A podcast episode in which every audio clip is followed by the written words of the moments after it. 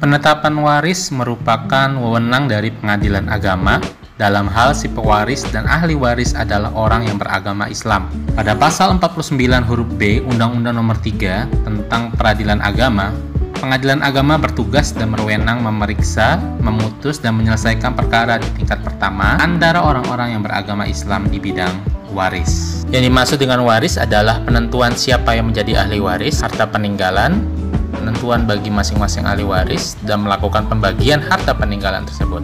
Dalam masalah waris dapat ditempuh dua cara. Yang pertama melalui gugatan.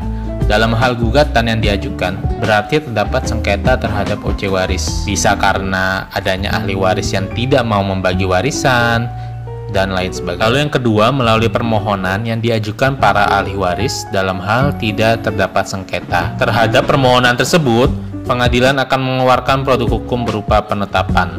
Jadi, intinya, jika dalam menentukan hukum waris itu ada sengketa, maka yang dilakukan adalah menggugat di pengadilan agama. Dan jika tidak ada sengketa, maka hanya memintakan permohonan penetapan waris dari pengadilan agama. Pada prinsipnya, pengadilan mengandung asas cepat, sederhana, biaya ringan. Oleh karena itu, seharusnya semua perkara, baik permohonan ataupun gugatan yang diperiksa di tingkat pengadilan pertama, yaitu di pengadilan agama, harus diselesaikan dalam waktu